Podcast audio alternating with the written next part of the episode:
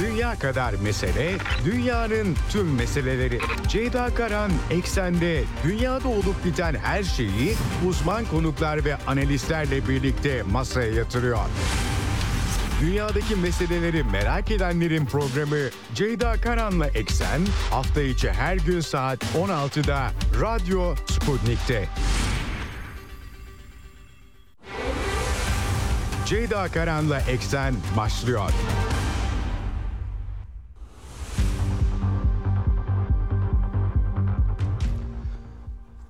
Eksenden merhabalar efendim. Bugün 4 Ocak 2024 günlerden Perşembe dünyadan haberlerle karşınızdayız. Yine ilk haftayı yeni yılın ilk haftasını neredeyse artık tamamlıyoruz. Yine yüklü bir gündem var. Orta Doğu'da İsrail-Filistin çatışmaları İsrail'e mal edilen Beyrut'taki suikast e, Aruri Şeyh Aruri e, Hamas'ın siyasi e, bürosu başkan yardımcısı beraberinde başka yetkililerle birlikte hedef alınmıştı. İsrail üstlenmiş değil ama bütün dikkatler oraya çevrilmiş durumda. Aynı zamanda dün İran'da e, Kasım Süleymani'nin yine Amerika'nın suikastiyle öldürülmesinin dördüncü yıl dönümü anmaları vardı ve büyük bir terör saldırısı gerçekleşti. İki patlama intihar saldırısı diyen de var.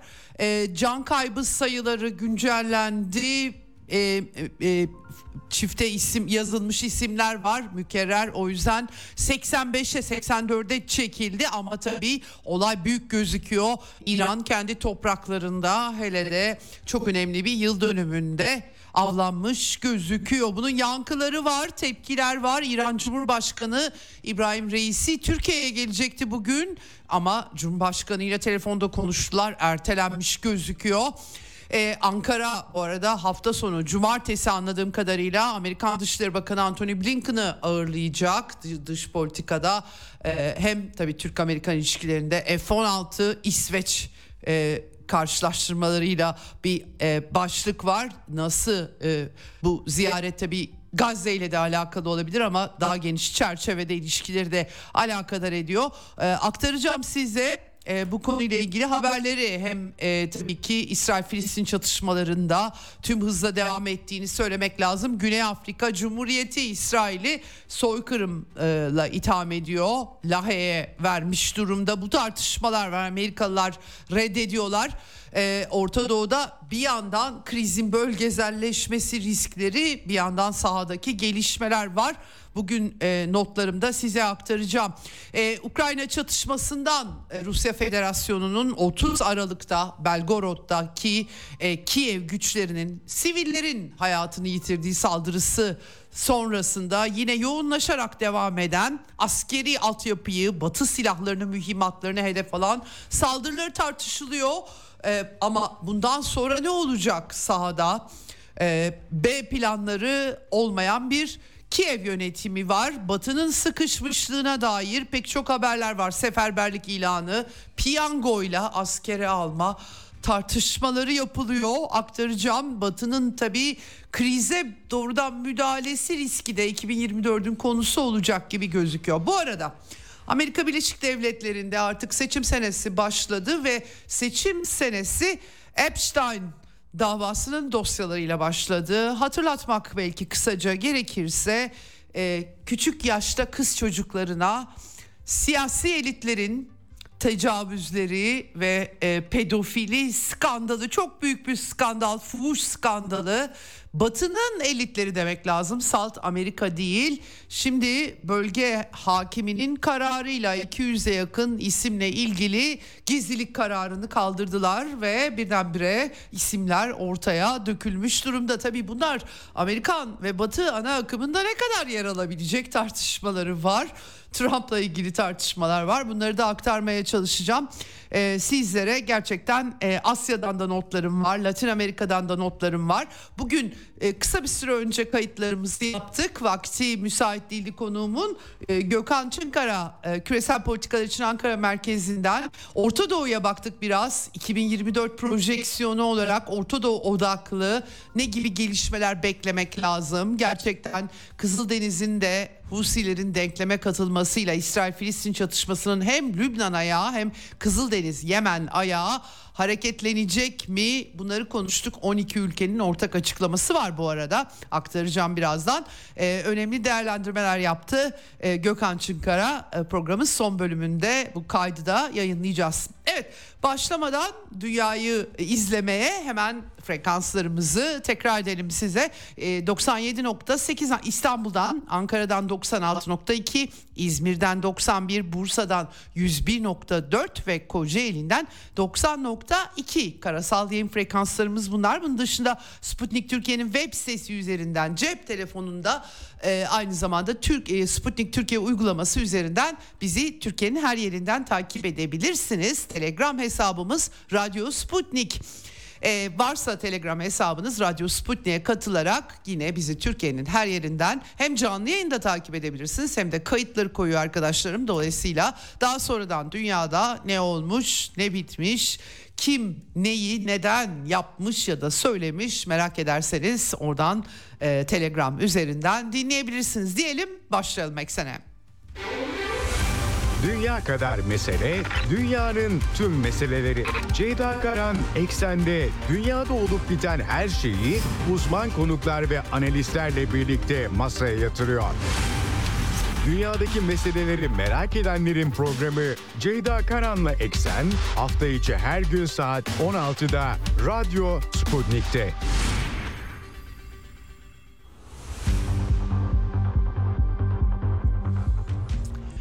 Evet İsrail-Filistin çatışmalarının 91. günündeyiz. Can kaybı 22 binin üzerine çıktı ama tabii herkesin vurgusu e, enkaz altında en az 7 bin e, kişi 9 binle de ifade edenler var. Yani yaklaşık 30 binle ifade ediliyor. 3 ay içerisinde Orta Doğu'da İsrail-Filistin çatışmasında kayıplar. 57 binin üzerinde de yaralı var e, ki e, e, bu rakamlar bir kısmı Gazze'deki Sağlık Bakanlığı ama bunların e, Arap televizyonları, BM ajansları da benzer e, sayılar ortaya koyuyorlar. Tabii büyük bir dram var, açlık krizi var. Gerçekten 3 gündür doğru düzgün gıda yardımı girmediği anlaşılıyor. Uyarılar yapılıyor. Çatışmalar da devam ediyor. Dün akşam saatlerinde İsrail'in Gazze şeridinde yoğun bombardımanının görüntüleri de yansıdı. Bir Kızılaç binasına da e, bu arada bu sabah saatlerinde saldırı olduğu bilgileri yine yansımış vaziyette. Bazı Tugayların Gazze'nin kuzeyinden çekildiği ve İsrail yönetiminin kuzeyde daha seçmeli bir biçimde hareket edeceği tabii güney Gazze'nin güneyine yönelik operasyonlar da devam ediyor ama e, iki Tugay'ın daha çekildiği yolunda bir takım iddialar var. Ne kadar somutlanacak göreceğiz. Gazze şeridine 45 binden fazla roket ve bomba attığı 7 Ekim 8 Ekim'den itibaren e, İsrail ordusunun bilgileri aktarılıyor. Bu, buna rağmen de Gazze'den İsrail'e yönelik e, roket tehditleri de devam ediyor. Aşkelon yine e, Gazze'den atılan roketlerin hedefine girmiş. Tabi demir kubbe önleme yapıyor ama nihayetinde bu kadar karadan operasyona rağmen roketlerin tam manasıyla durdurulmamış olması İsrail medyasında bir tartışma konusu. Dün aktarmıştım size İsrail Savunma Bakanı Yoav Galant'ın açıklamalarını. Ee, net bir e, çözüm getirmeden Gazze'deki Hamas meselesi İsrail'in Orta Doğu'da yaşayamayacağını, var olamayacağını söylemişti. Açık bir biçimde herkesin e, biraz da bu Tugayların çekilmesinden kaynaklanacak şekilde İsrail'in operasyonları yavaş yavaş Amerika'nın da etkisiyle durduracağı beklentisi var ya da analizi var ya da izlenimi var. Bunları net bir biçimde İsrail Savunma Bakanı yalanladı. Böyle bir niyetimiz yok böyle bir inançca sahip olmak doğru değil dedi İsrail Savunma Bakanı ee, ve bildikleri yolda devam edeceklerini söyledi. Hatta yani Lübnan'la ilgili de Hizbullah'la ilgili de maalesef başka tehditler de var. En önemlisi kuzeyde yaşananlar e, diye de vurguladı. Tabii burada ne yapılacak bu önemli. Ee, bir yandan da tabii gönüllü göç adını veriyorlar bildiğiniz teşhir tartışmaları yani Gazze'deki Filistinli Arap nüfusun sürülmesi. Dün aktarmıştım size özellikle e, Netanyahu hükümetinin aşırı sağcı kanadından Ulusal Güvenlik Bakanı Itamar Ben Givir ve Maliye Bakanı e, Bezalel Smotrich bunu gündeme taşıyor tartışmalarla son çıkışlarını aktarmıştım dün size. Ee, onlar açıkça e, İsrail rahat yaşayabilsin diye Gazze'deki 2.3 milyonluk Filistinli Arap nüfusun başka ülkelere sürülmesini gündeme getirdiler. Gönüllü göçü özendirmek olarak aktarıyorlar. Ee, en son Kültür ve Spor Bakanı Miki Zohar İsrail'in bu konuda e, demiş ki yani tabii gönüllü göç olsa çok mutlu olacak İsrail'dekiler. ee, ama e, bu gerçekçi değil çünkü uluslararası toplum da bunu kabul etmez. Böyle şeyler daha kapalı kapılar ardında konuşulmalı. Bu kadar yüksek sesle zorunlu tehcirden bahsetmek İsrail açısından fazla hayırlı değil diye de uyarıda bulunmuş. Buna bütün bunların hepsinin enteresan olanı her şey kamuoyu, dünya kamuoyunun önünde açık açık da konuşuluyor aslına bakarsanız. Ee, tabii İsrail'de e, bunlar böyle bir şekilde dürüstçe tartışılıyor ama Amerikan Dışişleri Bakanlığı özellikle dün iki bakanın Smotrich ile Ben Givir'in İsrailli bakanların e, gönüllü sürgün, tehcir neyse göç artık nasıl herkes kendi görüşüne göre bir yerden tutup anıyor. Bu söylemleri kışkırtıcı ve sorumsuzca diye nitelendirmiş ve bugüne kadar ki belki en sert kınamayı yayınlamıştı Amerika'nın bu politikalara katılmadığını açıkça ve Gazze'de bir yandan tabii ki Hamas'ın ortadan kaldırılmasını destekliyor Amerika. Ateşkesi falan bunun için önlüyorlar ama gelecek söz konusu olduğu zaman hiçbir terör grubunun İsrail'i tehdit, tehdit etmediği bir e, Gazze'nin Filistin toprağı olması senaryosundan e, vurgu senaryosuna vurgu yapıyor Amerikalılar. Tabii İsrail'den buna tepkiler geldi. Maliye Bakanı Bezalel Smotrich Amerika'nın bu açıklaması üzerine e, bu insani bir çözümdür dedi. İsrail halkının yüzde yetmişi de bunu destekliyor. Gazze'deki Arapların yani başka ülkelere göç etmesini. E, çünkü e, her sabah kalkıp İsrail devletini ve Yahudileri yok etmek isteyen tabii onun bakış açısında katletme, tecavüz etme, öldürme arzusuyla kalkan 2 milyon insan bu şekilde tanımlıyor Filistinli Arapları. Bir kısmı doğru olabilir ama tümü e, en azından bu bakış açısı doğrusunu söylemek gerekirse herkesin birbirini boğazlamasından başka bir sonuçta getirecek gibi değil. E, velhasıl e, Smotrich demiş ki yani bu e, İsrail toplumu e, böyle bu işin böyle gitmesine rıza göstermeyecektir. E, dolayısıyla birlikte çalışıp bu soruna çözüm bulmamız lazım demiş. E, ben Givir'de Ulusal Güvenlik e, Bakanı da X hesabından açık açık yazıyorlar bunu. Amerika'yı takdir ediyorum ama kusura bakmayın Amerikan bayrağındaki yıldızlardan biri değil İsrail. Amerika bizim iyi dostumuz ama e, her şeyden önce biz kendimiz için iyi olanı biz kendimiz biliriz demiş. E, hakikaten e, böyle enteresan bir tablo oluşmuş vaziyette. Tabi Almanya'dan, Fransa'dan e, kınamalar var. E, Filistinler kendi topraklarını nasıl yaşayacaklarına kendileri karar verirler. Halkı zorunlu sürgün. Ya Batı için çok hoş manzaralar değil tabi bunlar 21. yüzyılda. Gerçi Ukrayna'nın Ruslarını sürmek için kendileri ortaya atılabilirler. Çifte standart bol.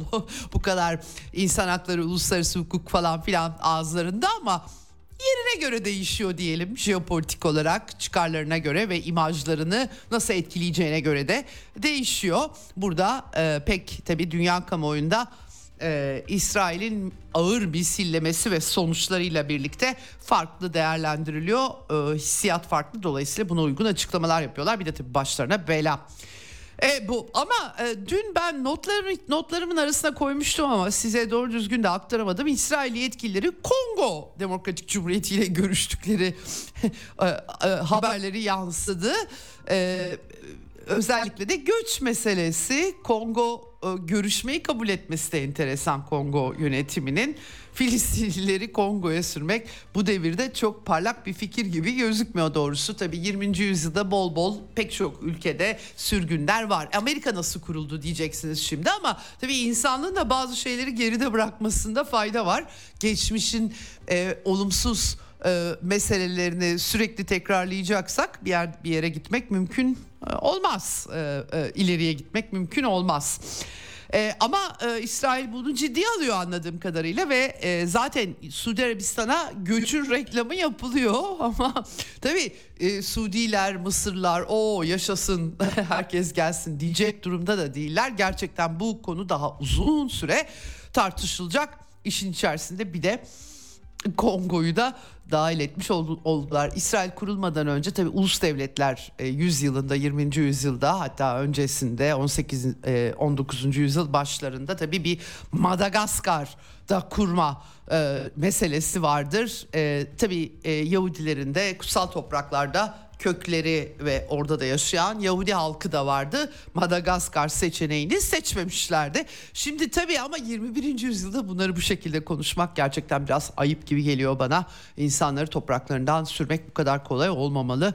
Ee, göç olgusu küreselleşmenin ve savaşların yarattığı göç olgusu da yeterli değil. Bu işleri yumuşatmak için daha barışçı çözümler geliştirebilecek potansiyel var insanoğlunda. Yani tabii bunları pek kullandığımız söylenemez. Bu arada tabii ki İsrail üzerindeki yük de artıyor. Çünkü Güney Afrika dün aktardım size uluslararası ilişkiler e, e, açısından kritik bir karar aldı. İsrail dosyasını Adalet Divanı, Uluslararası Adalet Divanı'na davaya çevirme yolunda hamlede bulundu. 11 Ocak'ta ilk oturum yapılacak. 11-12 diye gördüm yanlış görmediysem. İsrailliler de e, soykırımın önlenmesi sözleşmesinin de imzası oldukları için davada kendilerini savunacaklarını söylüyorlar. Tabii Amerika'dan hemen Amerika'ya fikirler soruldu. Şimdi 84 sayfalık bir dava var. Dava dosyası oluşturulmuş anladığım kadarıyla.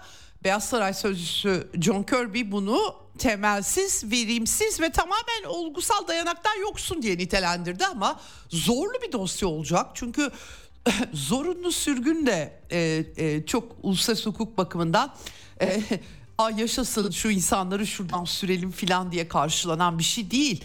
Kaldı ki Netanyahu'nun bir takım in, e, Tevrat'tan alıntılarla dinsel e, olarak da yorumlanan kimi e, değerlendirmeleri bir nüfusun topluca düşman ilan edilmesi filan yani dava dosyasında nükleer silah kullanma gibi bakanların söylemleri İsrail'i zorlayacak bir dava dosyası. Tabii bunun içerisinde Hamas'ın bu işleri başlatmış olması, İsrail'e baskı yapması belki bir argüman olabilir uluslararası tanınmışlık bakımından ama o zaman da Filistin'in çözülmemiş meselesi çıkacak karşılarına. Gerçekten çetrefilli bir e, mesele e, uzayacak da bir dava öyle takdir edebilecek değil. Şimdiden tabii Amerika pozisyon alıyor. Dışişleri Sözcüsü Amerika'nın Matthew Miller'ın açıklamaları oldu bu konuda.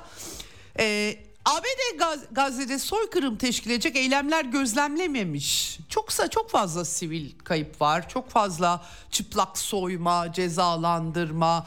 Yani tabii terörle mücadele gündemi bütün dünyayı çok olumsuz etkiledi. İnsan hakları algısı değişti. Güvenlik için her şeyin yapılabilir hale gelmesi devletler açısından Amerika'nın Guantanamo üslerini kurduğu bir dönemden de geçtik elbette. Dolayısıyla iki madalyonun iki yüzü olduğunu belirtmek lazım. E, Matthew Miller hafife alınacak suçlamalar değil e, soykırım teşkil eden herhangi bir eylem görmüyoruz dedi ama tabii e, bütün nüfus terörist olarak görülmüyorsa o zaman sivilleri koruyacak bir takım e, e, adımlar atmak lazım. Toplu cezalandırma olmuyor. Kent savaşı verilen yerde toplu cezalandırmayı önlemek çok çetrefilli bir şey e, gerçekten zorlu. Bakalım bu dosya nasıl gidecek? E, bu arada Amerikan yönetimi içerisinde Biden kampanyası tabii 2024 başkanlık seçimleri bu kampanya vesilesiyle tabii işler biraz daha karıştı. Çünkü e, Biden çalışanları da Gazze'de yaşananları soykırım olarak e, nitelendirenler var. Rahatsız olanlar var, istifa edenler var gelen haberlere göre. E, hakikaten sıkıntılı bir dava. E, iş buraya, burayla bitmiyor çünkü bölgesel krizlerde artmış durumda. Programın son bölümünde Gökhan Çınkara ile konuşacağız ama Lübnan'da, Beyrut'ta e, Salih El Aruri'nin öldürülmesi İHA'lı saldırı. Tabii bunlar İsrail pek yorum yapmadı. Beyrut'ta birileri vurdu. Kim vurdu? Hamas siyasi ofis e, başkan yardımcısını. Kim vurabilir başka? E, ama e, ve suikaste düzenleyeceğiz diye açık açık da ilan ettikleri için İsrail bu işleri çok da dürüstçe götürüyor aslında ne yapacağını da söylüyor. Şimdi e, Lübnan tabii ne yapacak sorusu var. E, karşılıklı füzeler, roketler uçuşuyor elbette. İsrail birliklerini hedef alan e, direniş ekseninden saldırılar da var. Ama e, Anthony Blinken anladığım kadarıyla alelacele e, gerçi geçen pazartesi gidecekti. Aruri suikastinden gidemedi. Bu pazartesi İsrail'e gidecek deniyor. Belki Lübnan'a da uğrar. Amos Hochstein Lübnan dosyası daha çok onun elindeydi. Amerikan yönetimi yetkilisi. O da Lübnan'a bu işlerin yayılmasını engellemek için seferber oluyor e, oluyor herhalde. Blinken'la birlikte olacağı söyleniyor. Lübnan Dışişleri Bakanı Abdullah Buhabib açıklama yaptı. İsrail'i eleştirdi. Yani böyle Lübnan topraklarında suikastler falan yaptıkları için durum daha tehlikeli dedi. Böyle giderse işler bölgedeki herkes pişman olacak ve e, bir bölgesel savaşa yaklaştığımızdan endişe duyuyorum dedi. Dolayısıyla hep beraber göreceğiz. Tabii Nasrallah'ın konuşması Kasım Süleymani'nin Trump'ın talimatıyla 3 Ocak 2020'de e, öldürüldüğünü hatırlayalım. Bunun yıl dönümüyle ilgili e, ki birazdan aktaracağım İran'da da terör saldırısı düzenlendi. Ama Nasrallah Kasım Süleymani'nin suikastinin yıl dönümü vesilesiyle bir konuşma yaparken bu meselelere değindi. El Aruri'ye düzenlenen suikastin büyük bir suç olduğunu ve cevapsız ve cezasız kalmayacağını söyledi. Ee, bizim sizinle aramızda yalnızca saha günler ve geceler vardır. Biraz da böyle e, edebi bir konuşma e, dinledim ben de videosunu İngilizce altyazıyla. Ee, İsrail'e sürpriz yaptıklarını kuzeyden cephe açarak söyledi. Bizimle kim savaşmayı düşünürse çok pahalıya patlayacak dedi. 2006'dan beri bu tabi Aruri suikasti e, İsrail savaş uçakları Lübnan'ı e, hava sahasını ihlal ediyorlar ama Beyrut'u bu şekilde Güney Beyrut'u bu şekilde vurmuyorlar. 2006'dan bu yana ilk kez böyle bir şey gerçekleşti dedi.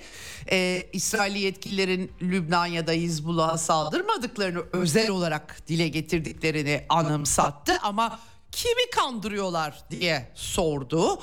Korkutma ve tehdit bunlar dedi. Ben böyle bir şey yapmak istemiyorum dedi. Ama e, çünkü hassas hesaplarla çarpışıyoruz. Çok fazla gencimiz var ee, çok genç e, insanın kanları dökülüyor. 100, 130 civarında Hizbullah üyesi öldü bu arada. Onu belirtmek lazım. Ama ulusal çıkarlarımızı ilgilendiriyor e, artık bu durum ve e, ulusal çıkarları ilgilendirdiği noktada savaştan korkmuyoruz. E, yani korksaydık dururduk zaten Amerikalılar da tehdit ettiler, Fransızlar geldi, İngilizler mesajlar iletti, Almanlar geldi. Durduk mu, geri çekildik mi diye sormuş. Oradan e, bizimle savaşmak isteyenler pişman olacaklar, çok pahalıya patlayacak diye de Bağlamış valla yani e, bütün bu açıklamalar tabii Hizbullah nasıl bir misilleme yapacak sorusunu hepinizin kafasında doğurmuş vaziyette. E, göreceğiz ne olacağını. Şimdiden Almanya Lübnan'daki vatandaşlarını ülkeyi terk etme çağrısı yapmış durumda. E, Yemen'deki Husiler açıklama yaptılar. Aruri suikasti ile ilgili Gazze ile dayanışma için İsrail gemilerini hedef almayı sürdüreceklerini taziyelerini de ilettiler bu arada.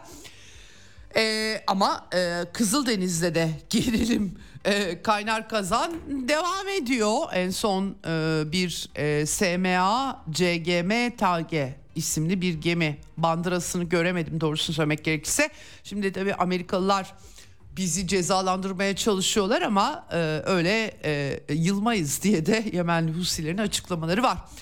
Yani bölgesel sınırlar genişliyor. Lübnan, Yemen e, genişleyecek mi daha doğrusu ama alametler parlak değil. 12 ülke Amerika, Britanya, Almanya, Kanada, İtalya, Japonya, Avustralya, Yeni Zelanda vesaire Danimarka hepsi bir araya geldi ve Husilere yönelik ağır bir bildiri yayınladılar. Uluslararası kamuoyunun birlik olduğunu, yasa dışı Husi saldırıları ciddi bir biçimde istikrarsızlaştırıcı sivil taşımacılık ve Askeri gemileri bilerek hedef almak uluslararası meşruiyeti yoktur bunun. e, yasa dışı saldırıların derhal durması lazım diyor bildiride. İnsan hayatını, küresel ekonomiyi ve serbest ticaret akışını tehdit etmeye devam etmesi halinde bu saldırıların sorumluluğu Husilerin omuzlarında olacaktır dediler. Şimdi tabii Amerika'nın refah muhafızı operasyonu 18 Aralık'ta başladı ama çok da yolunda gitmiyor doğrusu söylemek gerekirse. Tedarik zincirleri krizi hepimizi ilgilendiriyor. Elbette aslında bu bildirde söylenenler yanlış değil. Ama Yemen'den de Husilerden de buna karşı bir açıklama geldi hemen.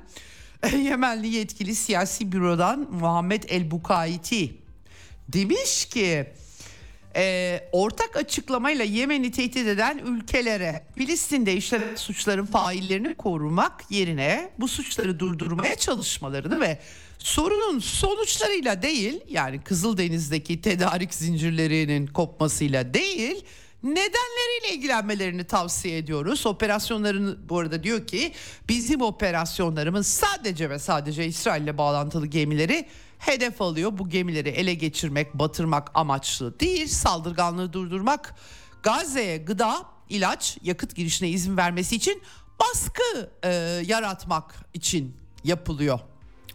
İki yüzlülüklerini onlar ise böyle bir bildiri ortaya koyuyorlar.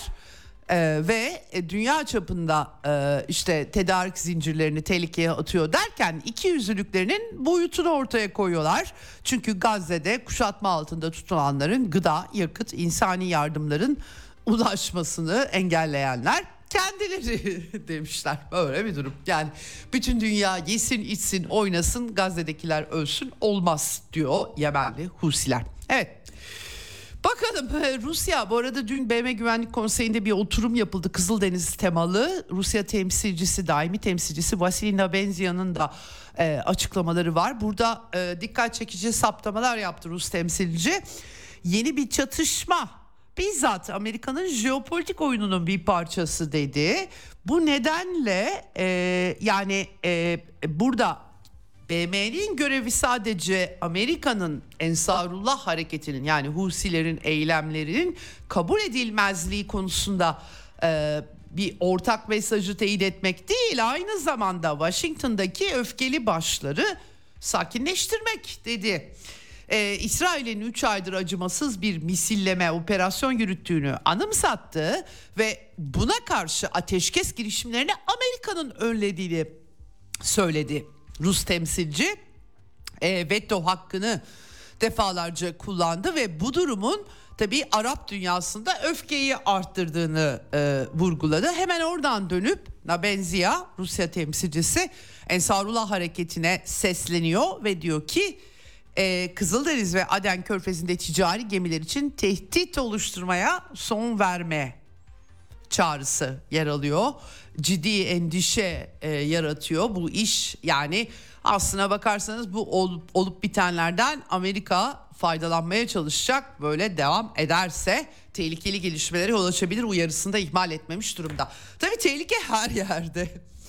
Ee, sadece işte Kızıldeniz değil, Lübnan değil, İran dün e, aktardım size. Aslında ilk başta terör saldırısı olup olmadığı belli değildi. Eksen devam ederken aktarmıştım. Sonunda e, terör saldırısı size aktarmıştım. Dün gerçekten büyük bir olay. Tam da İran'ın BRICS'e dahil olduğu, Avrasya Ekonomi Birliği ile serbest ticaret anlaşmasına imza koyduğu, hatta Dünya Ticaret Örgütü üyesi olmak dahi e, ihtiyacı hissetmediği, ekonomik göstergeler açısından filan böyle işlerin biraz yolunda gittiği bir dönemde Arda arda 3 Ocak 2020'de Kasım Süleymani'nin ölüm yıl dönümünde Kirman e, eyaletinde terör saldırısı e, kitleler tam da. Kasım Süleymani çok efsane bir isim Suriye çatışmasında özellikle ABD destekli IŞİD ve El-Kaide markasının yenilgisinde çok önemli rol oynadığını biliyoruz. Gerçi Amerikalılar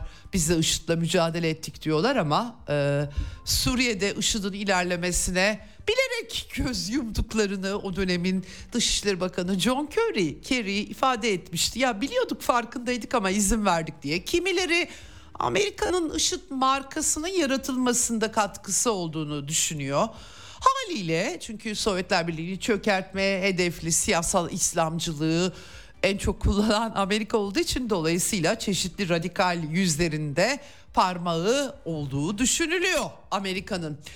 E, bu olay da IŞİD'e e, mal edilmeye çalışılıyor diyebilirim. Efendim dün ard arda iki patlama gerçekten videolar korkunç kalabalık çok yoğun anmalar için. E, önce can kaybı İran'da 200'lerle ifade edildi ama daha sonra mükerrer isimler nedeniyle 84 olarak güncellendi. 284 yaralı var. Ardarda arda iki patlama. intihar saldırısı diye de gördüm. Bombalama diye de gördüm. Kesin hangisi doğru bilmiyorum doğrusu. Ama e, İran'dan tabii sert açıklamalar yapıldı. Failler yakalanacak, ezici ve kararlı cevap verilecek dendi. E, Hamaney dini lider Kirman'daki saldırının e, karşılıksız kalmayacağını söyledi. Masumların kanına bulanmış ellerine kişiler e, onları bu hataya iten kışkırtıcı fesat tohumları eken zihinler e, bundan böyle baskı ve adil ceza için mutlak hedef haline gelecek. Bu felaketi sert tepkinin takip edeceğini bilmeleri gerekiyor diye bir açıklaması var Hamaney'in. Bir günlük yas ilan etti İran, İran genelinde. Kirman eyaletinde bu arada 3 günlük yas ilan edilmiş durumda. Tabii İran Dışişleri Bakanı da BM aracılığıyla bir acil hukuki uluslararası girişim başlattı ama ne olacak bu girişim? Onu çözmek zor. Yani BM'de belki tartışılabilir fakat e, fail de yok. Vekalet savaşı biraz böyle bir şey. Tabii vekalet savaşı yürütmek belli açılardan e, işlevsel ama herkes vekalet savaşı yürütebilir. E, sapla saman e, birbirine e, karışıyor bu durumlarda e, İran'da tabii bir takım Belucistan üzerinden sünni yapılanmalar var. Yine Amerika Birleşik Devletleri ve müttefiklerinin kaşıyabileceği doğrudan Amerika yaptı diye demek de çok zor. Tabii ki da, zaten hemen e, açıklamalar geldi. İsrail yorum yapmadı bu konuda. Daniel Hagari e, İsrail ordu sözcüsü tıpkı Aruri Lübnan'daki Beyrut'taki Aruri suikastinde olduğu gibi İran konusunda da biz Hamas'la uğraşıyoruz. Ee, daha çok İran'la çatışma e, meselesinde çok isteklidir Netanyahu yönetimi ama tabii burada e, bir e, durmuş gözüküyorlar. Amerika Birleşik Devletleri iddiaları yalanladı. Tabii Dışişleri Sözcüsü Matthew Miller yine açıklama yaptı. Biz bakıyoruz haberleri. E, bağımsız bir bilgimiz yok. Korkunç patlamada hayatını yitiren kurbanlara ve yakınlarına başsağlığı diliyoruz dedi Amerikan Dışişleri Sözcüsü. E, bir takım sorumsuz iddialar ortalıkta dolaşıyor. Amerika Birleşik Devletleri'nin böyle bir olaya katiyetle karışmadığını, iddialarında saçma olduğunu, İsrail'in karıştığına dair de hiçbir neden yok diye İsrail adına bir yalanlamayı da Amerikan Dışişleri Sözcüsü yapmış bulundu.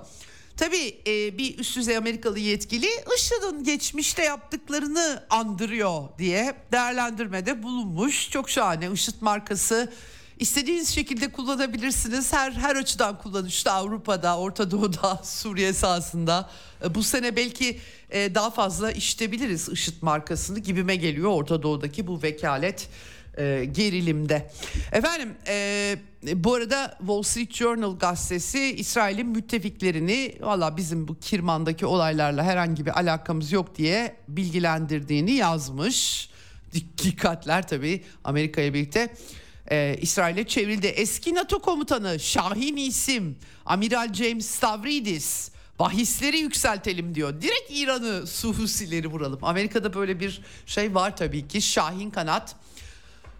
Öyle Rusya'yla savaşalım, Çin'le savaşalım, İran'la savaşalım diye düşünüyorlar ve dile getiriyorlar. Ee, yani aynı zamanda Husiler tabii e, İran'la İran'ı vururlarsa Husiler de zayıflayacak onun mantalitesine göre. E ama Hürmüz Boğazı'nı İran kapattığı zaman bütün dünyada ekonomiyi de alt üst edecekler tabii yani nasıl toparlarlar onu kestirmek zor. ee, geçmişe atıf yapmış 1980'lere e, Stavridis. Bilemiyorum vallahi yani bu çılgın neokonlar başımıza başka ne işler açabilirler diye. John Bolton BM Güvenlik Konseyi'nin 15.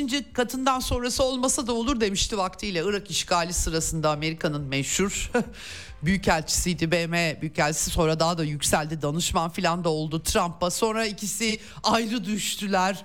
Şahin isim e, demiş ki valla topyekün İran'a saldıralım. Topyekün Rusya'ya saldıralım. Zaten böyle şeyler söylüyor kendisi de. Evet. E, dünyada ise tabii İran'daki terör saldırısını kınayan kınayana Amerika İsrail e, biz yapmadık demeye çalışır ve e, bir yandan da içlerindeki şahinler hadi saldıralım savaş açalım derken Filistin Dışişleri Bakanlığı açıklama yapmış. Kurbanların ailelerine başsağlığı dilemiş. Nasrallah aynı şekilde e, Kirman'daki sivillerin ölümüne yanıt verileceğini söyledi. Suudi Arabistan e, Dışişleri Bakanlığı bir açıklama yaptı. Sivilleri hedef alan terör saldırısı reddetmek, terör, terör saldırısını reddediyoruz ve kınıyoruz dendi. İran halkına içten taziyeler, dayanışma duyguları ifade edildi. Yaralılara acil şifalar dilendi. Suudiler tarafından BM Genel Sekreteri aynı şekilde Antonio Guterres saldırıyı şiddetle kınadı. Sorumluların adalet önüne çıkarılması çağrısı yaptı. Kim çıkaracak tabii o ayrı konu.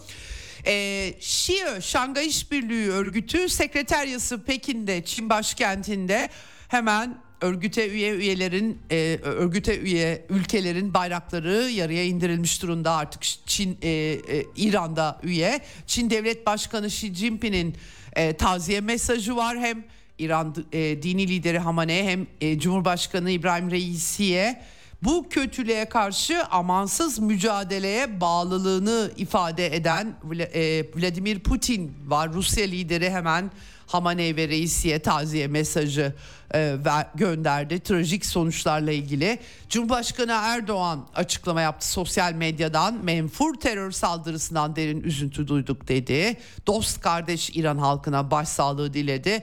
Dışişleri Bakanlığı da kınadı Türkiye Dışişleri Bakanlığı. E, tabi burada e, İbrahim Reisi Türkiye'ye gelecekti. O ertelenmiş gözüküyor. Kasım sonunda da ertelenmişti. Bir kez daha bu sefer bir terör saldırısı yüzünden ertelendi.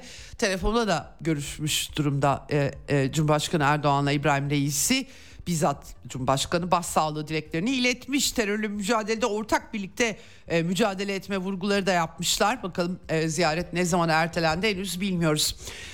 E, tabii e, İsrail e, Filistin meselesinde Türkiye dünyadan e, güçlü söylemlere rağmen çok eleştiriliyor İsrail'e ticareti kesmediği için. E, ihracat aylık %34.8 e, oranında artmış 430.6 milyon dolara çıkmış bu arada İsrail'le. Dolayısıyla mitingler düzenleniyor, boykot çağrıları yapıyor, yapılıyor ama devlet politikası değişmiyor. Bu arada Hakan Fidan hafta sonu Amerikan Dışişleri Bakanı e, Anthony Blinken'a ağırlayacak. Anladığım kadarıyla İsrail'e giderken Türkiye'ye de uğrayacak. E, bu sefer e, Amerikan Dışişleri Bakanı cumartesi geleceği söyleniyor. Tabii sadece Gazze meselesi değil Türk-Amerikan ilişkilerinde son dönemde en öne çıkan mesele F-16'lar yılan hikayesine döndü artık ve İsveç'in NATO'ya üyeliği Temmuz'a kadar şimdi süre konuluyor. Amerikan Kongresi'ne bildirim yeniden bekleniyor ama Dışişleri Sözcüsü Matthew Miller Amerika'nın bu konuda demiş ki yani tabii F-16 satışıyla İsveç NATO üyeliği bağlantılı şeyler değil. Cumhurbaşkanı gayet bağlamıştı eş zamanlı filan da demişti. E, ama tabii e, kongre üyelerinin bir kısmı bunları bağlantılı görüyor. Amerika'da bu işler hep bağlantılı görürler zaten. Her, her şey siyasi ve jeopolitik hesaplarla öyle e, ilkesel hesaplarla değil. Tabii ki Amerikan Kongresi işine geleni gayet güzel bağlıyor. Dolayısıyla böyle ay canım hiç alakası yok demenin de valla ben alemini göremiyorum. Türkiye'de bir takım yorumcular ne alakası var diyor. Bal gibi alakası var. Alakayı zaten bu arkadaşlar kuruyorlar yani e, neyse e, yani böyle teknik bir meseleymiş gibi sunulması da Türk Amerika Amerikan ilişkilerini doğru yorumlamayı engelliyor bana sorarsanız. Velhasıl e, işte hassas şekilde çalışıyoruz demiş. E, kongreye bildirim ne zaman yapılacak? Ne zaman ilerlemeye hazır olacağım hususunda şu anda bir yorum yapmak istemem demiş. Halbuki Türkiye NATO müttefiki değil mi? Onu güçlendirmek söz konusu değil mi? Vallahi bilmiyorum. Bir şey e, istiyorlarsa artık Amerikalıların bir şey vermeleri gereken bir döneme girdiğimizi belirtmek lazım herhalde. Öyle eskisi gibi sömürge mantığıyla biz ne istiyorsak herkes onu yapacak pek işlemiyor. Yani ne Hindistan'da işliyor, ne Endonezya'da işliyor, ne bir tek Avrupa'da işliyor. Açıkçası Avrupa'nın elitleri e, bir tek bunu gayet güzel uyguluyorlar. Hatta onlar Amerika liderliği olmazsa biz ne yaparız? Mahvoluruz biz. Psikolojisi içerisindeler genel anlamda söylüyorum bunu. Evet şimdi Ukrayna'dan başlıklar var tabii. Rusya Federasyonu'nun 30 Aralık 2 Ocak tarihleri arasında bu arada mühimmatları yoktu biliyorsunuz. e, inanılmaz bir şimdiye kadarki gerçekten e, silah stoku konusunda batıda yapılan aslı aslarının ne olduğunu çözemediğimiz e, iddialardan sonra şok edici olduğu söylenebilir. Askeri hedefler bu arada bunlar mühimmatlar, e, depolar, e, İHA üretim tesisleri yani öyle rastgele sivillerin tepesine atılmış bir şey olmadığı çok net anlaşılıyor. Gelen bütün bilgilerden anlaşılıyor. Cephede ilerleme özellikle Bahmut'ta Çasofyar'a doğru ilerliyor. Ee, Rusya güçleri Bogdanovka'yı kontrol altına olduk, aldıkları bilgileri var. Avdiivka e, aynı şekilde güneyde Zaporojye bölgesi, Kupyansk kuzey hattında Donbas cephesinde cephesi boyunca e, ve Ukrayna'nın da savunmaya geçmesi tartışmaları vardı. 7 Ocak Ortodoksların bayramı gerçi Zelenski yönetimi bir anda Ukrayna halkının kilisesini şak diye değiştiriverdi biliyorsunuz. Fener Patrikhanesi'nin komplosu ile bu gerçekleşti. Tabi her zaman Amerikan yönetimi geçmişte Vatikan'ı, Polonya'daki Katolikleri nasıl kullandılarsa burada da Fener Rum Patrikhanesi aynı şekilde kullanıldı ve birdenbire koskoca Ukrayna Ortodoks ulusu oh, bayram değiştirdi. Nasıl şahane işler bunlar görüyorsunuz dinin kullanımını.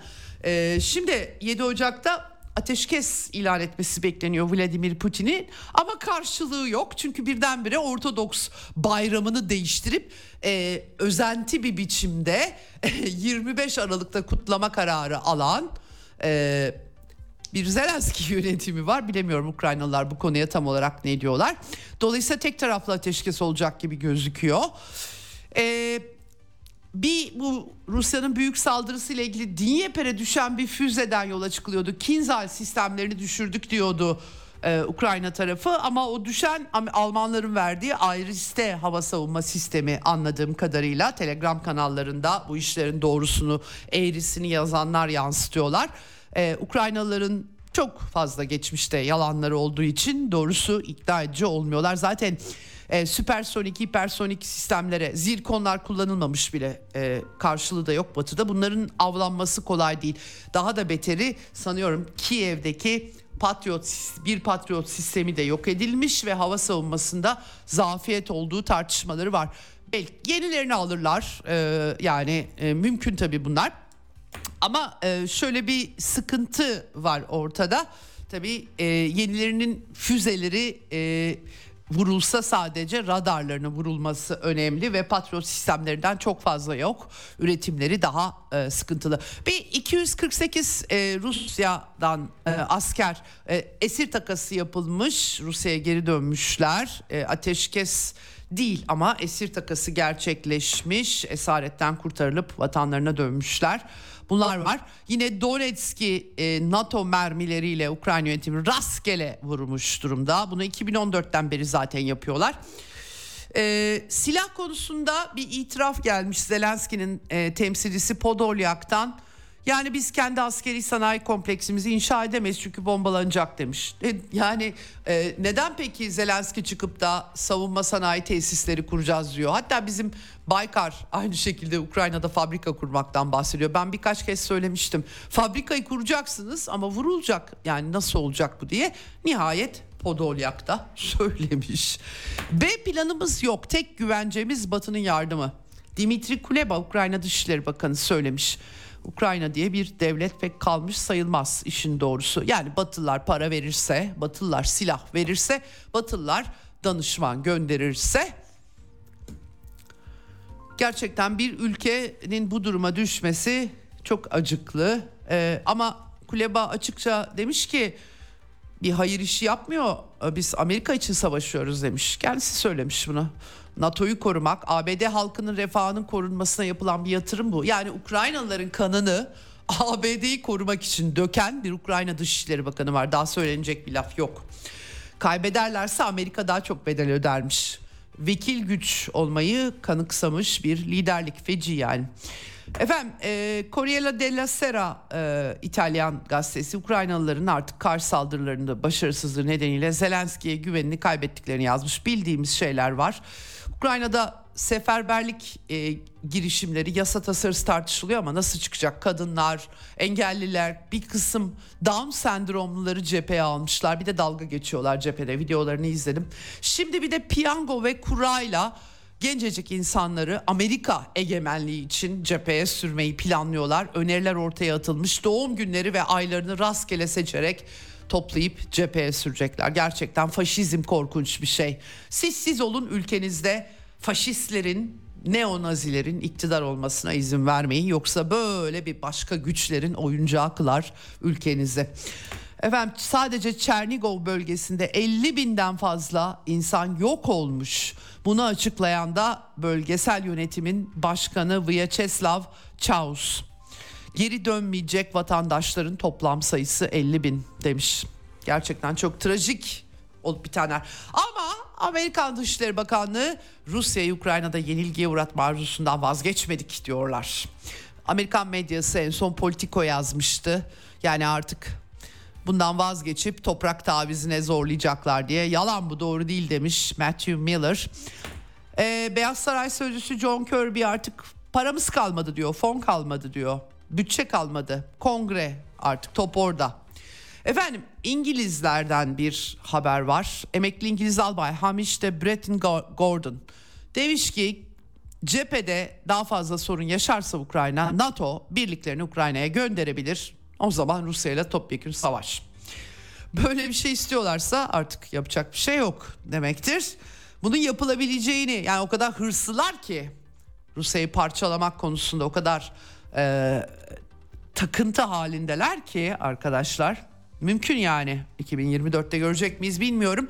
E, eski CIA uzmanı Ray McGovern e, da bunu e, böyle olabileceğini Kuzey yakın terör saldırısı Amerika'nın düzenlediği Burada yaptıkları gibi e, ya da Kiev'de 2014'te Amerika'nın yaptığı darbe gibi e, Amerikalıların tabii kalkıp biz cepheye asker gönderiyoruz diye yapmayacaklarını bunları provokasyon üzerinden yapacaklarını daha önce de yaptılar demiş. Kuzey Yakım 2 terör saldırısını örnek gösterirken Ray McGovern ee, yani NATO bloğundan bir ülkeye yapılacak bir saldırı üzerinden bir yanıltma operasyonuyla yapabilirler ama ne değiştirecek? Tabii o başka bir durum.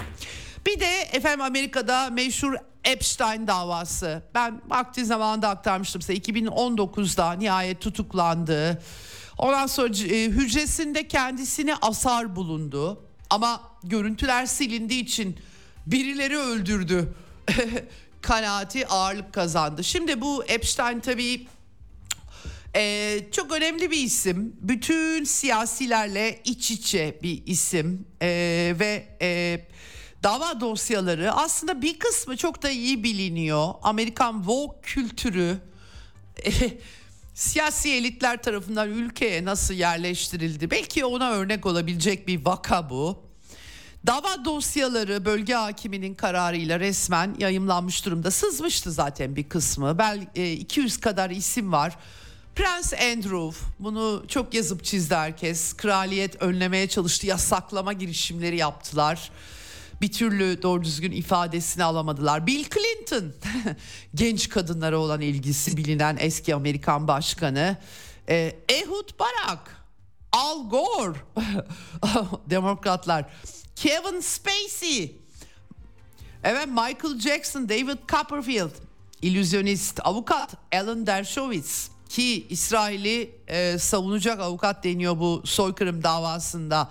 Çocuk istismarcısı listesinde. Mahkeme belgeleri bunlar bu arada. Kimse uydurmuyor. Aa Bill Richardson da varmış. New Mexico valisi. Aynı şekilde gerçekten e, bir kısmı biliniyordu. Artık böyle full bir liste yayınlanmış gibi gözüküyor ama kimileri buna ikna olmuyor. Çünkü Joe Biden'la ilgili oğlu Hunter Biden'ın laptopundan sızan bilgiler oğul Hunter Biden'ın Joe Biden için pedo pedofil dediğini ortaya koymuştu. Amerikalılar siyasi elitlerini, Amerikan ana akım medyası siyasi elitlerinin bir kısmını da tabii koruma sorumluluğu altında hareket ediyor. Dolayısıyla Joe Biden'ın ismi nasıl yer almıyor? Epstein'la tanışıklığı biliniyor. O da ayrı bir dava. e, gerçekten e, bu bu dava bir sürü rezillik ortaya serecektir ama yani sapık yöneticiler Amerikan gündemini karıştıracak deniyor ama pedofil milyarder Epstein olayı e, asıl çünkü onun da kendi kayıtları olduğu söyleniyor. FBI bunları mutlaka bir yerde tutuyordur. En fazla Hollywood filmini yapabilir diye düşünüyorum. Yaptılar zaten bir kısım filmler çekildi. Ee, gerçekten Batı elitlerinin e, halleri çok parlak değil ama e, ne kadar bunları tartışabilirler emin olamıyorum. Zaten acayip bir woke kültür var Amerika'da artık yani sokaklarda böyle ben kediyim diye tuturan insanlar gezebiliyor. Beş tane çocuk cinsiyet değiştirme özel hastanesi bolca paralar kazanıyor. Hukuku değiştiriyorlar. Artık 11 yaşındaki çocuklar bana ne babamdan annemden ben kız değilim erkeğim diyebiliyor. Evladım senin daha hormonların gelişme aşamasında beyin lobların 22'sine kadar gelişmiyor. Sen nasıl karar verebilirsin diyemiyor anne babalar. Çünkü artık hukuku da değiştiriyorlar. Hakikaten bir üçüncü cins kadın denemiyor. Hani uçan memeli e, denmesi gibi hosteslere tuhaf memeli demek de herhalde memeli de demek istemezler. Enteresan bir toplumsal cinsiyet mefhumu. Yani aslında bu Epstein vakası bu woke kültürün sadece böyle bir takım azınlıkları cinsiyet korumacılığı değil başka bir yapı toplumsal yapı yarattığı bir ortamda Epstein davası birilerini ne kadar utandırır? Doğrusu çok emin olamıyorum Amerika'da. Gerçekten e, oradaki toplumsal dönüşümler onun tezahürleri onların tezahürlerini düşününce o yüzden de hani büyük skandallar, büyük istifalar falan ben beklemiyorum. Herkes o kadar kanıksamış ki utanmaz bir biçimde karşılayabilirler gibime geliyor işin aslı. Evet şimdi çok uzun anlattım bu Epstein hikayesini ama tekrar dönersek e, Fransa Dışişleri Bakanlığı Belgorod'da 24 sivil rastgele bombalarla öldürülmüş umurunda değil Fransızların insan hakları dediğiniz böyle ne olacak misket bombası atarsın askeri hedef de seçmeden artık bu şekilde tezahür ediyor. Ee, Ukrayna kendini savunuyor o yüzden rastgele Rusya topraklarına misket bombası atabilir deniyor. Rusya Federasyonu ise askeri hedefleri vuruyor ısrarla. Gerçekten çok çarpıcı. Ya, tali kayıplar olsa bile hedef rastgele değil. Bu açıdan çok çarpıcı. Zaten Polonya Dışişleri Bakanı yine Radoslav Sikorski biliyorsunuz Kuzey yakın vurulduğunda teşekkürler Amerika demişti kendisi. Uzun menzilli füzeler verelim Rusya'yı vursunlar. Komuta merkezlerini demişti. Hemen Bahçıvan Joseph Borrell AB e, dış politika şefi Polonya'nın yeni Dışişleri Bakanı ile heyecanla uzun menzilli füzeler verilmesini konuşmuş vaziyette. Bu arada Polonyalı çiftçiler yine sınır kapatacaklar. Ukrayna'nın ucuz ürünlerini istemiyorlar. Almanya'yı sanıyorum Taurus füzeleri vermeye ikna etmeye çalışıyorlar. Uzun menzilli Alman hükümet sözcüsü Stefan Heberstreit e, henüz e, hazır değiliz bunları vermeye demiş ama bence verirler yani. E, Almanya dediğiniz sonuç itibariyle ABD ne diyorsa son tahlilde onu yapan bir ülke. Gerçi Scholz'un istifası tartışmaları var. Yerine Savunma Bakanı Boris Pistorius geçebilir. Sosyal Demokrat Parti'de deniyor ama göreceğiz. İrlanda'nın Avrupa Parlamentosu üyesi Mick Wallace. E, hakikaten ben de takip ediyorum Twitter'dan. Çok sıra dışı insanlar. NATO'nun kendisini feshetmesi çağrısı yapmış. NATO adlı savaş makinası feshedilirse Avrupa daha iyi bir yer olacak. Şüphesiz doğrusunu söylemek gerekirse e, ne Avrupa Birliği'ne ne de Avrupa Birliği vatandaşlarına bu örgütün hiçbir olumlu hayrı faydası yok. E, savaşı desteklemeyi getiriyor. Böyle demiş ki neden bu kadar Yeşil Partili milletvekili Barış yerine savaşa destek vermeye devam? Neden hakikaten? Yeşiller bir de solla anılıyor utanmadan. Neoliberal proje, projenin aparatları olarak hakikaten çok çarpıcı. Artık faşizmle anmakla yeşil faşizm diyebiliriz mesela bana sorarsanız. Evet şimdi başka e, aktaracağım Rusya lideri Putin özel kararname çıkarttı artık Rusya Silahlı Kuvvetleri ile sözleşme imzalayan yabancılara Rusya vatandaşlığı başvurusunun öne açıldı. Yetmiyor. Kırım ve Sivastopol'de doğmuş, yaşamış ama 2014'ten önce burayı terk etmiş Ukraynalılar geri dönebilirler. Orada doğmuşlar sonuç itibariyle vatandaşlık yolu açık. Sovyet vatandaşı olan Afganistan, Irak, Yemen, Suriye vatandaşları ile ebeveynleri, eşleri ve çocukları da Rusya vatandaşlığına başvurabilecekmiş. Çok ilginç bir kararname bence bu kararname. Efendim Çin Dışişleri Amerika ve Filipinlerin son e, provokasyonları denizcilik konusundaki e, eylemlerinden şikayet etmiş ama vaktim yetmiyor bunu aktarmaya size. Çok kısa bir süre önce konuştuğumuz Gökhan Çınkara ile konuştuk. E, Orta Doğu'da 2024 projeksiyonu yaptık. Onu e, şimdi yayınlıyoruz. Yarın görüşmek üzere. Hoşçakalın.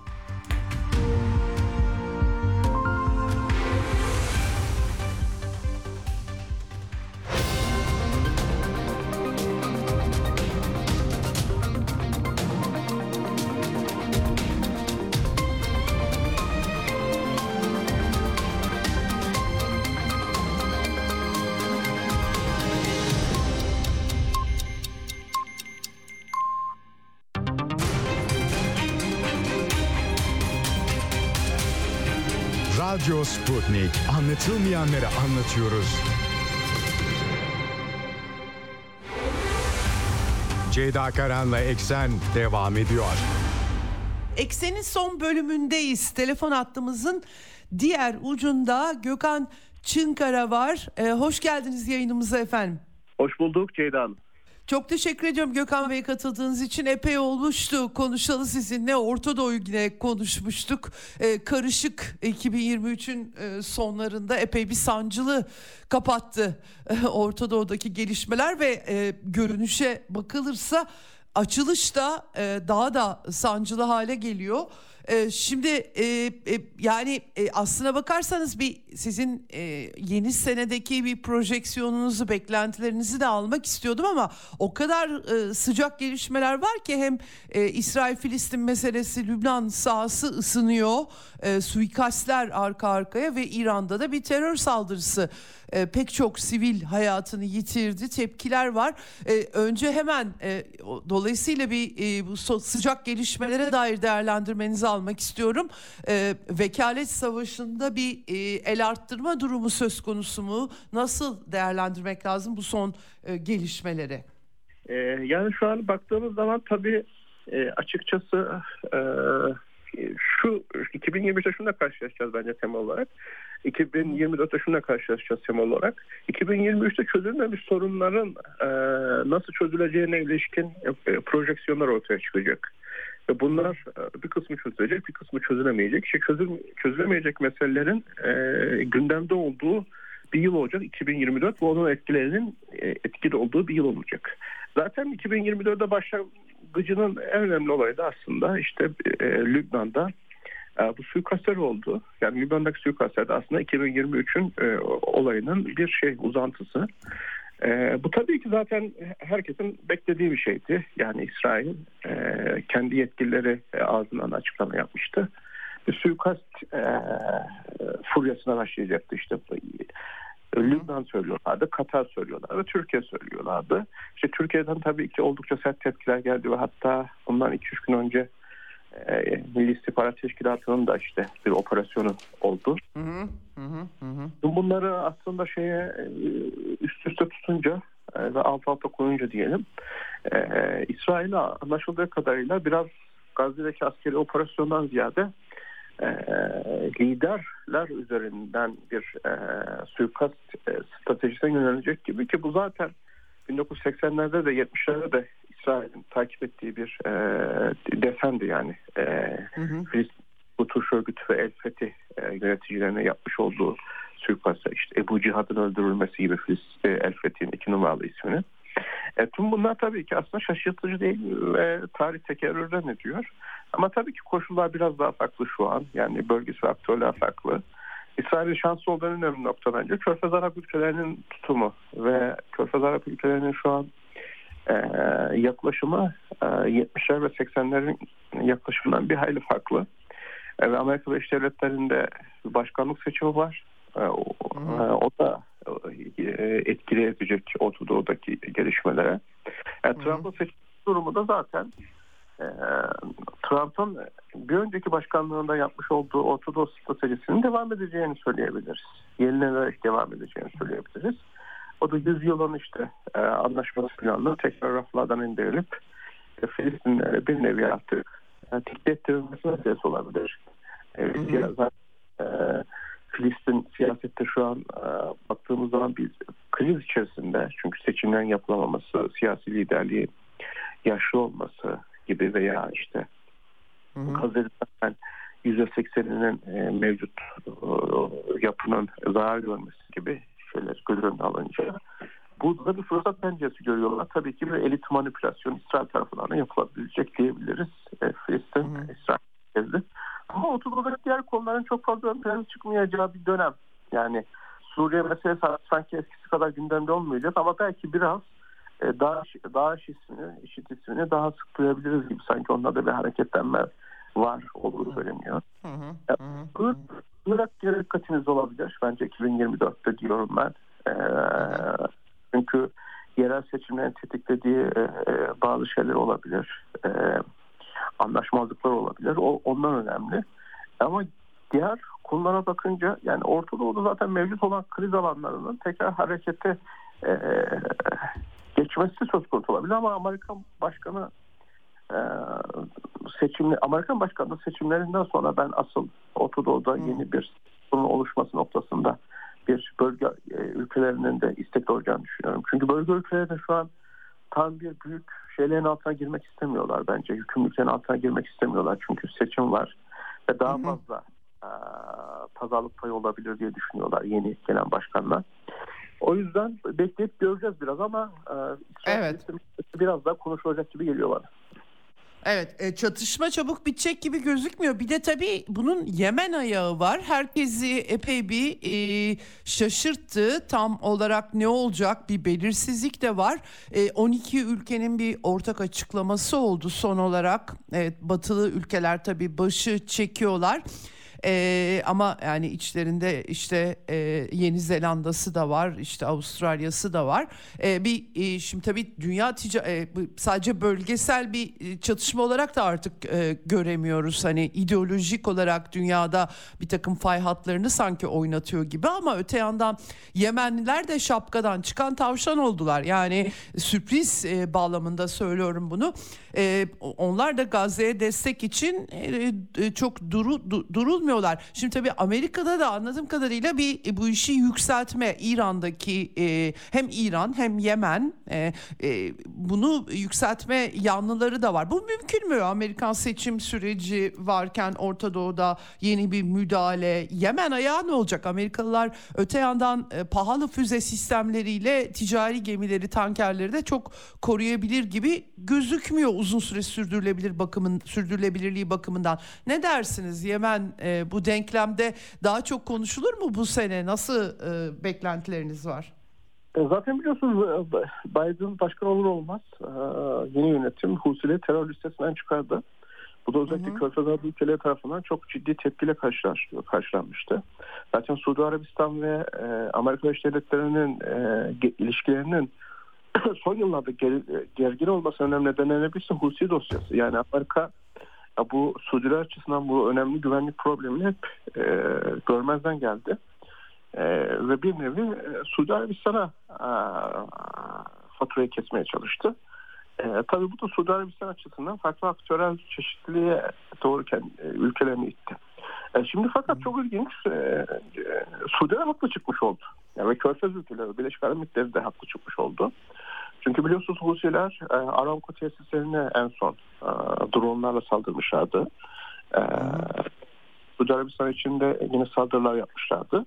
Bu büyük güvenlik problemi e, tabii şimdi Suudiler de biz bu işe dahil olmak istemiyoruz diyorlar. Neden? Çünkü onlar da yeni bir anlayış başlattılar. İşte bundan iki hafta önce Yemen Birleşmiş Milletler özel temsilcisinin herhalde siyasi süreci başlatma noktasında bir açıklaması oldu. Yemen Dışişleri Bakanlığı'nın herhalde yani Husilerin sözcüsü İran'a gitti iki, iki gün önce. Yani orada Hı. da Arabistan artık Amerika Birleşik Devletleri ile ortaklaşa bir güvenlik perspektifi geliştirmekten ziyade e, bölgesel aktörlerle bir e, alver yapalım, bir alışveriş yapalım moduna girdi. Yani İran'la ilişkilerin yakınlaşmasının da temel nedeni bu. Yani e, Suudi Arabistan açısından riskli olan alanların e, belli müzakereler sonucunda bir do, dondurulması, bir statikoya kavuşturulması meselesi gündemde. E çünkü Amerika ile olan ilişkilerde güvenlik perspektifi bekledikleri kadar kuvvetli bir geri dönüş sağlamadı.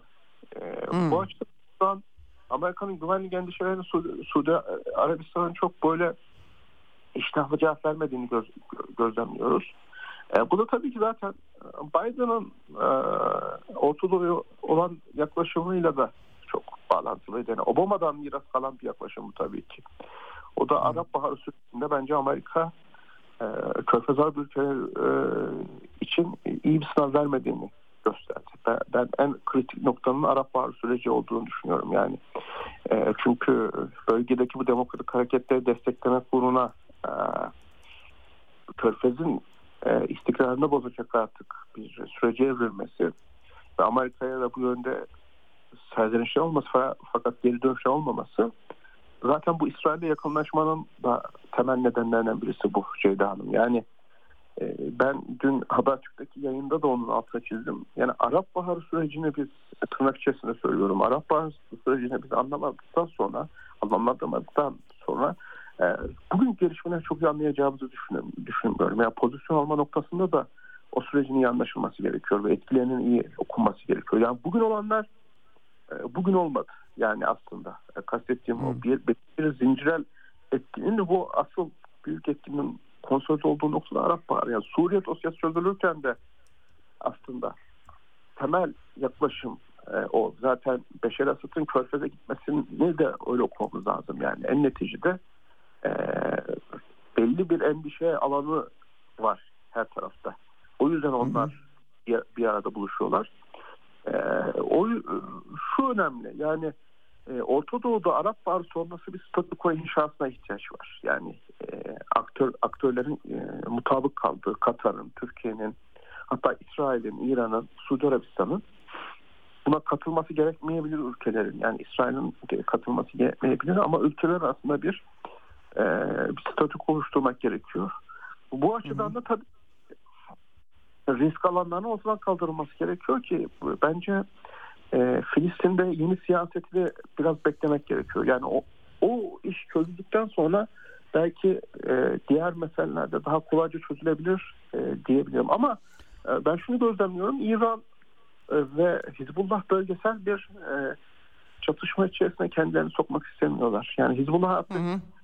Kendisini biraz daha Lübnanlı bir e, Lüb, yani Lübnanlı bir e, siyasetin bir unsuru olarak e, görmek istiyor ki bence orta vadede onlar için de bu oldukça e, rasyonel bir tercih olacak diye düşünüyorum.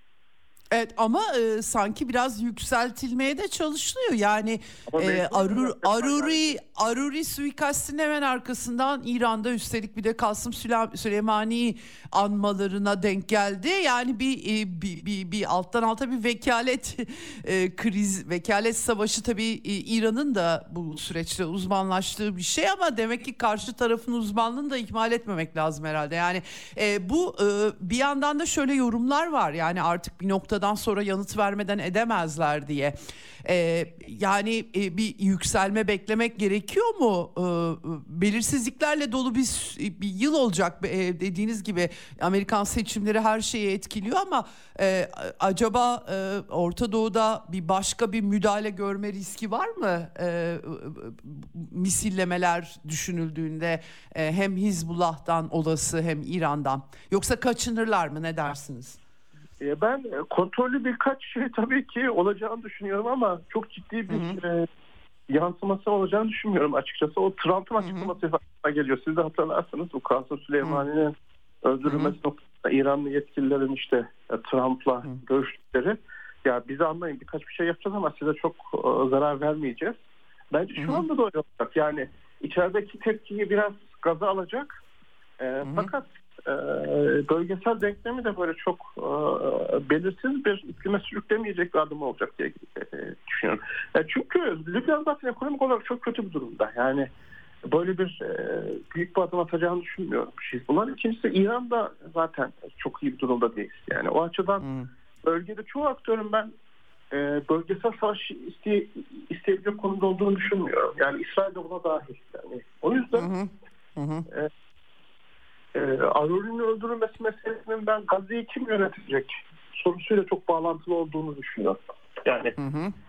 savaş sonrası senaryolar e, da önemli bir şey. Belki de e, öyle tespit de yapmıştım ben. İlk gün öyle bir tweet atmıştım. Yani olaylar sakinleşebilir Arove'den sonra. Benim biraz genel kana, kanadan ayrıştığım yer o. Yani olaylar kızılmaktan ziyade e, sakinleşebilir diye düşünüyorum. Hı hı. Peki e, bir de şimdi tabii e, yeni yeni denklemde BRICS üyesi bir İran, Suudi Arabistan, Birleşik Arap Emirlikleri var. Yine Şangay İşbirliği Örgütü'ne e, girmişti hatırlarsanız. Ve görüyoruz ki şimdi İran'daki bu terör saldırısı tabii BM'nin de konusu kılınmaya çalışılacak İran tarafından öyle anlaşılıyor ve bir yandan da Şangay İşbirliği Örgütü Sekreteryası hemen bayrakları yarıya indirmiş durumda. Bir Çin etkisi, bir Rusya'nın ve Çin Çin'in tabii bölgede nüfuzunun e, çıkarlar bağlamında e, genişlemesi diyelim, alan kazanması diyelim söz konusu.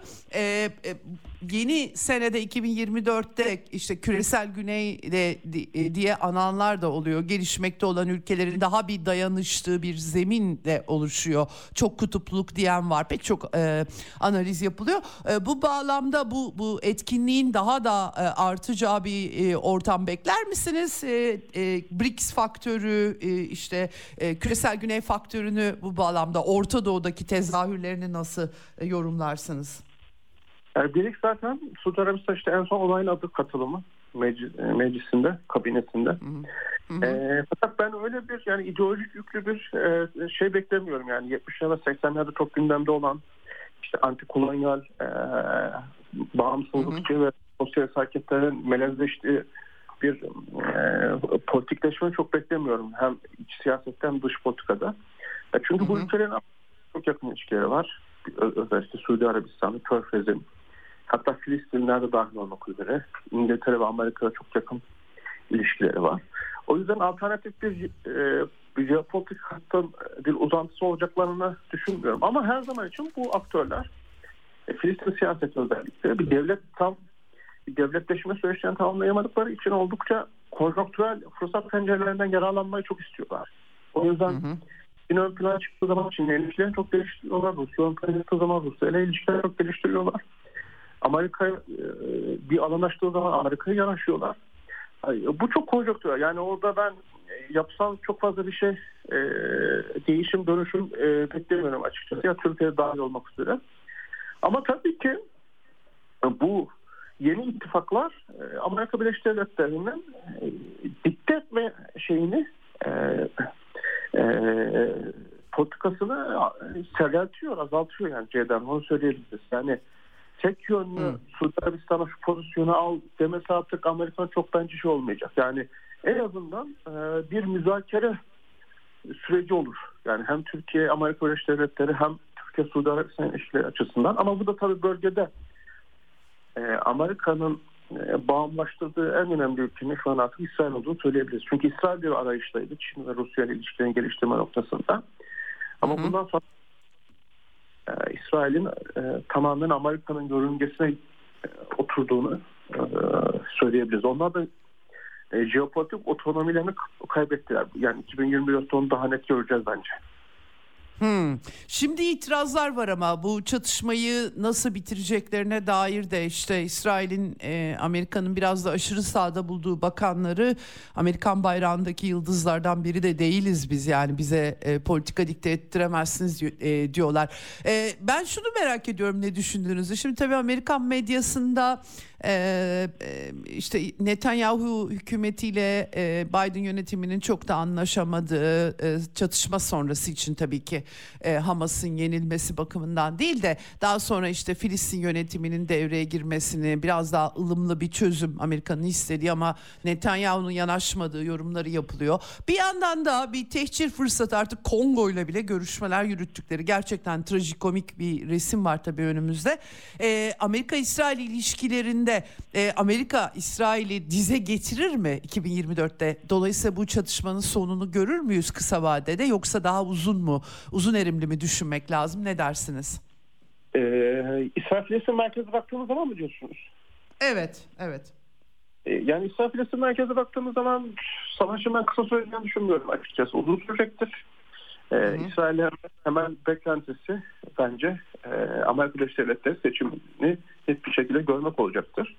Ama tabii Amerikalılar da bastıracaktır bir yandan. Çünkü e, Başkan Biden da e, günün sonunda biraz daha Amerikan siyaset içerisinde bu meselenin çok fazla konuşulmamasını istiyor gibi gözük. E, çünkü bazı kritik eyaletlerdeki Arap oyları sanırım onun için önemli. Michigan gibi. Demokratlar için e, o sebeple orada çok pro İsrail şey pozisyonunu biraz seyretecek şekilde dikkat ederseniz son açıklamalar biraz daha Filistinler yönelik. Hem Blinken'ın olsun hem Biden'ın olsun. E, ama bu iş bence uzayacak diye düşünüyorum ben. Yani kısa sür, sürmeyecek. E, ama burada şey ne olacak? Yani Filistin siyaseti ne olacak? Temel kritik nokta o. Yani Filistin'de Hamas'ın da içerisinde olduğu bir Filistin Kurtuluş Örgütü e, ortaya çıkıp artık müzakereler oturma noktasına İsrail'i zorlayacaklar mı? Temel mesele o. Çünkü Gazze'deki insani dram yani her geçen gün büyüyor. Ceyda Hanım onu altına çizmemiz. Yani, e, açlık, hastalık ve insanların temel ihtiyaç maddelerini uzaklaşamaması zaten kitlesel bir göç e, yaşandı kuzeyden güneye.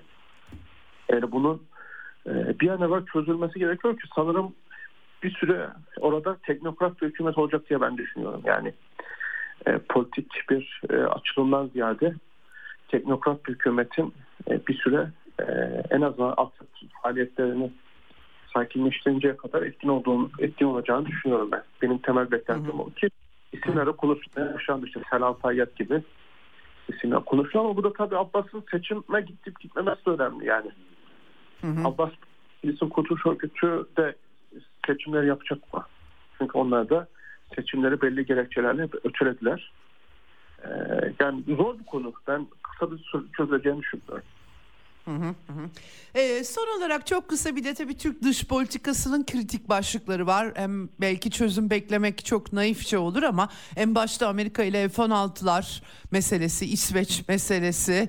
Şimdi Antony Blinken da gelecek anladığım kadarıyla bu hafta sonu e, yeniden bölgeye giderken e, bir şekilde Türkiye'ye de uğrayacak.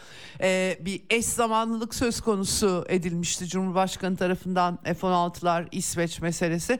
Ne beklemek lazım kısa vadede biraz daha teskin olur mu ilişkilerdeki gerilim odakları? Ee, Amerika-Türkiye ilişkilerinin de ben e, yani e, iyi bir şeye gideceğini düşünüyorum. Yani iyi bir şey derken yani Amerika-Türkiye ilişkilerinde bir e, iyileşme görebiliriz. Ortak anlayışa doğru gidebiliriz. Böyle bir beklentim var. Ya bunu isteyen insanlar var. En azından onu söyleyeyim ben Türkiye'de de. Hı hı, e, bu F-16 e, meselesinde Türkiye'nin e, bastırması meselesinde öyle yorulmamak lazım. E, fakat tabii Suriye dosyası iki ülkenin her zaman için ilişkilerinin e, belli bir e, marjı oturmasını engelleyen en önemli faktörlerden birisi. Yani e, belki oradaki pozisyon e, değiştirilebilirse veya bir farklı bir yaklaşım ortaya konulabilirse e, ilişkilerde farklı bir e, rota bulunabilir. E, ama işte şey Blinken'ın ziyareti var sanırım. F-16 için Kongre'ye bir e, bas, basınç uygulama Türkiye'nin de İsveç'in NATO üyeliğini kabulü meselesi. E, bu tabii işte Türkiye'nin e, Filistin-İsrail olaylarındaki tutumu biraz Amerikalıların elini zora soktu gibi geliyor bana Ceyda Hanım. Hmm, Yoksa hmm. daha hızlı belki ilerleyebilirlerdi yani bu açıdan. Ee, ama beklemek lazım. Yani Türkiye-Rusya ilişkileri evet. bence önemli olacak. Ee, evet. Çünkü hı hı. Suriye dosyası hala işte Cumhurbaşkanı'nın olası bir ziyareti var deniyordu. Herhalde o yerel seçim sonrasına kaldı diyebiliriz. Evet. Ee, Türkiye açısından şu an bence dış politikada Orta Doğu merkezli kalan en önemli sorun Suriye diye ben gözlemliyorum. Çünkü Körfez Arap ülkeleri ve Mısır'la olan ilişkiler şey oldu. Yani Mısır'a bir ziyaret herhalde yakın zamanda olur veya Mısır'dan buraya bir ziyaret olur diye bir beklentim var. Ama hı hı. Suriye bence yani Suriye Türkiye'nin Orta Doğu'daki en e, önemli dosyalardan birisi bence Suriye olacak diye düşünüyorum 2024. Evet. Peki. Çok teşekkür ediyorum. Bir e, sıcak noktalara da baktık ama genel bir değerlendirme ilk hafta hakikaten beklentilerimiz var. Ne kadar çıkacak, nereleri tutacak hep beraber göreceğiz ama çok teşekkür ediyorum değerlendirme için. Çok kolay gelsin. Hayırlı günler diliyorum. Sağ olun. Evet, e, Gökhan Çınkara ile konuştuk. E, e, dış politika analisti, e, aynı zamanda kendisi Ankara e, Küresel Politikalar e, Merkezi'nden e, 2024 senesinde Orta Doğu odaklı gelişmeler, bunlara dair beklentiler, e, e, Türk dış politikasında beklentilerini bize e, aktardı. Yeni senenin ilk haftası hepimizin beklentileri var. Ne yönde evrilecek hep beraber tabii e, göreceğiz diyelim. Yarın görüşmek üzere Eksen'den. E, Hoşçakalın efendim. Ceyda Karan'la Eksen sona erdi. Kadar mesele, dünyanın tüm meseleleri. Ceyda Karan Eksen'de dünyada olup biten her şeyi uzman konuklar ve analistlerle birlikte masaya yatırıyor. Dünyadaki meseleleri merak edenlerin programı Ceyda Karan'la Eksen hafta içi her gün saat 16'da Radyo Sputnik'te.